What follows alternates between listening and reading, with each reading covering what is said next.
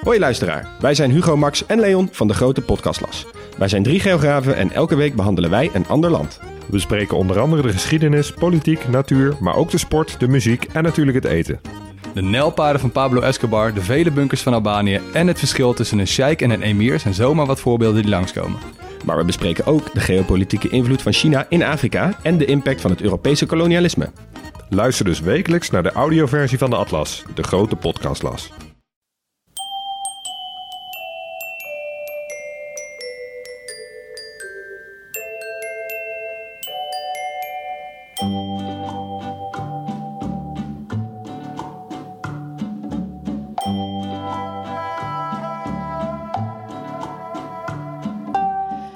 Welkom bij aflevering 122 van de Echt Gebeurd podcast, waar waar gebeurde verhalen worden verteld door mensen die ze zelf hebben meegemaakt.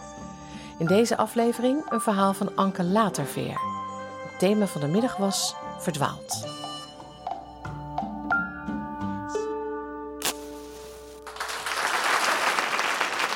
Het was eh, vlak na eh, 9-11. En ehm, de wereld stond in brand. Alles was, alles was in beweging en in paniek. En alles, niks was meer hoe het was, behalve ik. Ik stond helemaal stil. Ik zat al een jaar in therapie en er gebeurde helemaal niks. Ik kwam daar en ik huilde en dan ging ik weer weg. En eh, dat al een jaar. En mijn therapeut was waarschijnlijk heel erg geïnspireerd geraakt door eh, de situatie in de wereld. Dus die dacht: het wordt tijd eh, voor een doorbraak. en we zaten, het was een groep, we zaten in de groep. En toen zei hij: Ik heb eens even over jou zitten denken, Anke. En dat misbruik dat jij hebt meegemaakt in je jeugd, ik denk dat jij dat wilde, want je houdt van aandacht. En door naar de volgende. en ik, ik viel stil. Uh, best wel lang. Ik denk, nou, een uur of zes. Uh, totdat mijn vriendje me kwam halen. Die was kennelijk gebeld door iemand. En uh, het was een doorbraak, inderdaad. Want dat was het moment dat ik mij besefte... dat ik eigenlijk best wel heel belangrijk was. Zo belangrijk zelfs dat eigenlijk iedereen mij wel kende.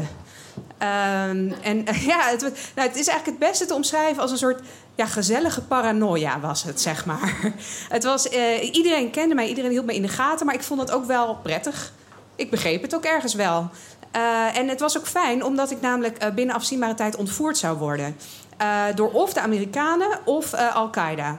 Dat, ja, daar kwam ik niet helemaal uit. en om het zekere voor het onzekere te nemen, heb ik toen ingezet op allebei. Dus ik ging naar de bibliotheek. Ik heb boeken gehaald over het Jodendom en over de islam. Want ja, Amerikanen zijn natuurlijk allemaal Joods, dat weten we allemaal. Ik weet ook niet waarom ik dat dacht. en uh, ik ben daarover gaan lezen. En ik dacht ook, ze gaan natuurlijk kijken uh, wat ik heb gehuurd bij de Biep. En dan kunnen ze me niet plaatsen. dus dat komt allemaal goed. En um, ja, ik ging dan de ene dag ging, dan zette ik in op de islam... en de andere dag zette ik dan in op het jodendom. Dus dan liep ik met een hoofddoek bijvoorbeeld... Ja, om een beetje te oefenen.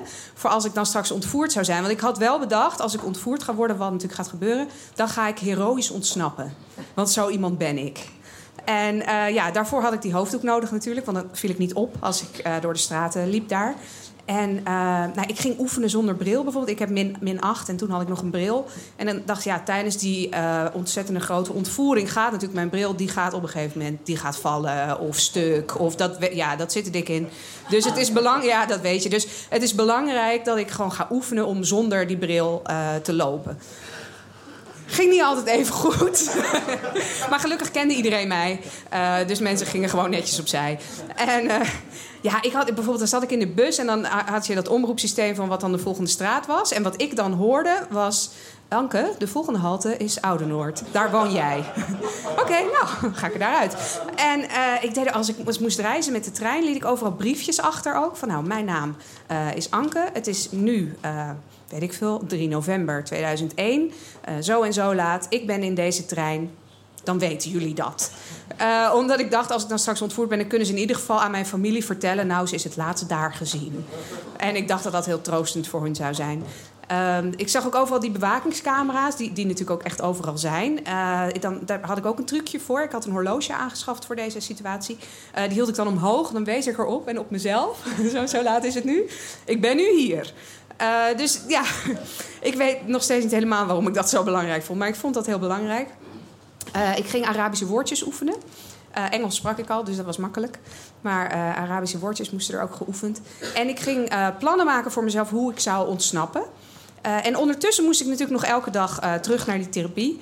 eh, waar ik dan eh, daarover vertelde. En mijn therapeut vond dat best een pittige doorbraak. Dus eh, dat, dat was fijn. Eh, en ik, ik werd gewoon steeds gekker. Maar ook, ik vond het gewoon heel... Ja, ik weet niet. Ik voelde me een soort geborgen of zo ook door, door de wereld. En dat iedereen het dan voor mij was. En dat iedereen het ook steeds over mij had. En ik vond het ergens ook een beetje logisch. Omdat ja, ik had me van jongs af aan al voorgenomen dat ik beroemd zou worden. En eh, nou, nu was het dan gebeurd. Eh, ja, wel heel anders dan ik me had voorgesteld. Maar goed, het was zo. Dus dat was wel heel gaaf. Eh, alleen die ontvoering, ja, die kwam maar niet. Ehm, ik ging ook op een gegeven moment, ja, ik, ik had er echt op ingezet. Dus het begon toch een beetje, ja, wanneer komt het nou? Ehm, dus ging ik dan, ik woonde toen in Utrecht en dan ging ik in, in de wijk lopen waar dan veel moslims wonen. Zo, nou ja, nog maar een extra rondje, misschien dat iemand me dan mee wil nemen. nou ja, dat, dat was ook niet. Eh, en, en, wat ik wel had, was een soort... Nou als ik dan thuis ben, dan is het oké. Thuis kan ik niet ontvoerd worden. Dan was de laatste bewakingscamera hing dan in de gang van onze flat. En dan ging ik naar boven en dan was het oké. Maar op een ochtend werd ik wakker en dacht ik... Ja, maar hoezo is het hier eigenlijk oké? Hoezo kan ik hier niet ontvoerd worden? Kan ook hier, toch? En toen werd ik super bang. Ik werd zo bang. Ik durfde niks meer. Er was één plek in huis waar ik durfde te zijn en dat was de bank. We hadden één bank en daar zat ik op en dat was het. Eh, die was veilig. Alleen ja, je moet ook plassen natuurlijk af en toe. Ja, dat kon echt niet. Want dan kon ik ontvoerd worden op weg naar de wc. Eh, dus dat was best wel heel eng. En toen had ik dit nog niet allemaal. Toen was ik nog, gewoon nog slank. En eh, dat was heel handig, want mijn vriend tilde me dan op... en die bracht me naar de wc en die zette me erop en dan kon ik plassen... en dan bracht hij me weer terug naar de bank. En ik heb denk ik een week of zo op die bank eh, doorgebracht... Maar wat daar gebeurde, was heel, dat, dat was heel bijzonder en eigenlijk ook heel gaaf. En daarom bedacht ik dat ik dit wel wil vertellen. Wat er gebeurde in die week was, ik kreeg een snuit. En niet zo en als een olifant, maar zoals een klein hertje. Ik kreeg zo heel langzaam kreeg ik zo'n hertensnuitje. En dat was, dat was heel veilig. Het klinkt, ja, ik ben nu weer helemaal goed hoor mensen. Ik ben helemaal, ja.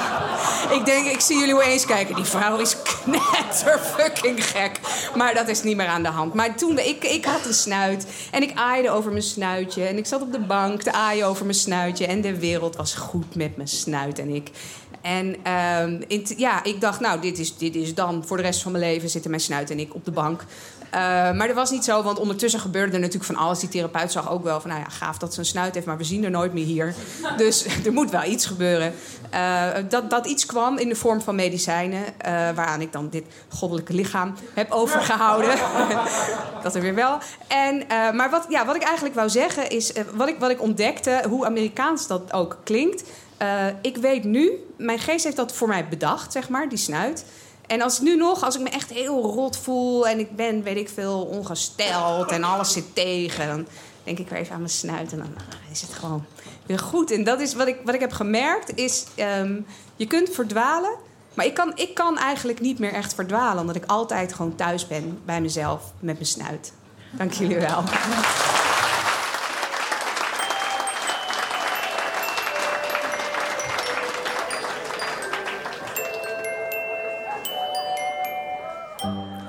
Dit was Anke Laterveer. Anke vertelt vaker bij ons en in augustus verschijnt haar debuutroman Lefback.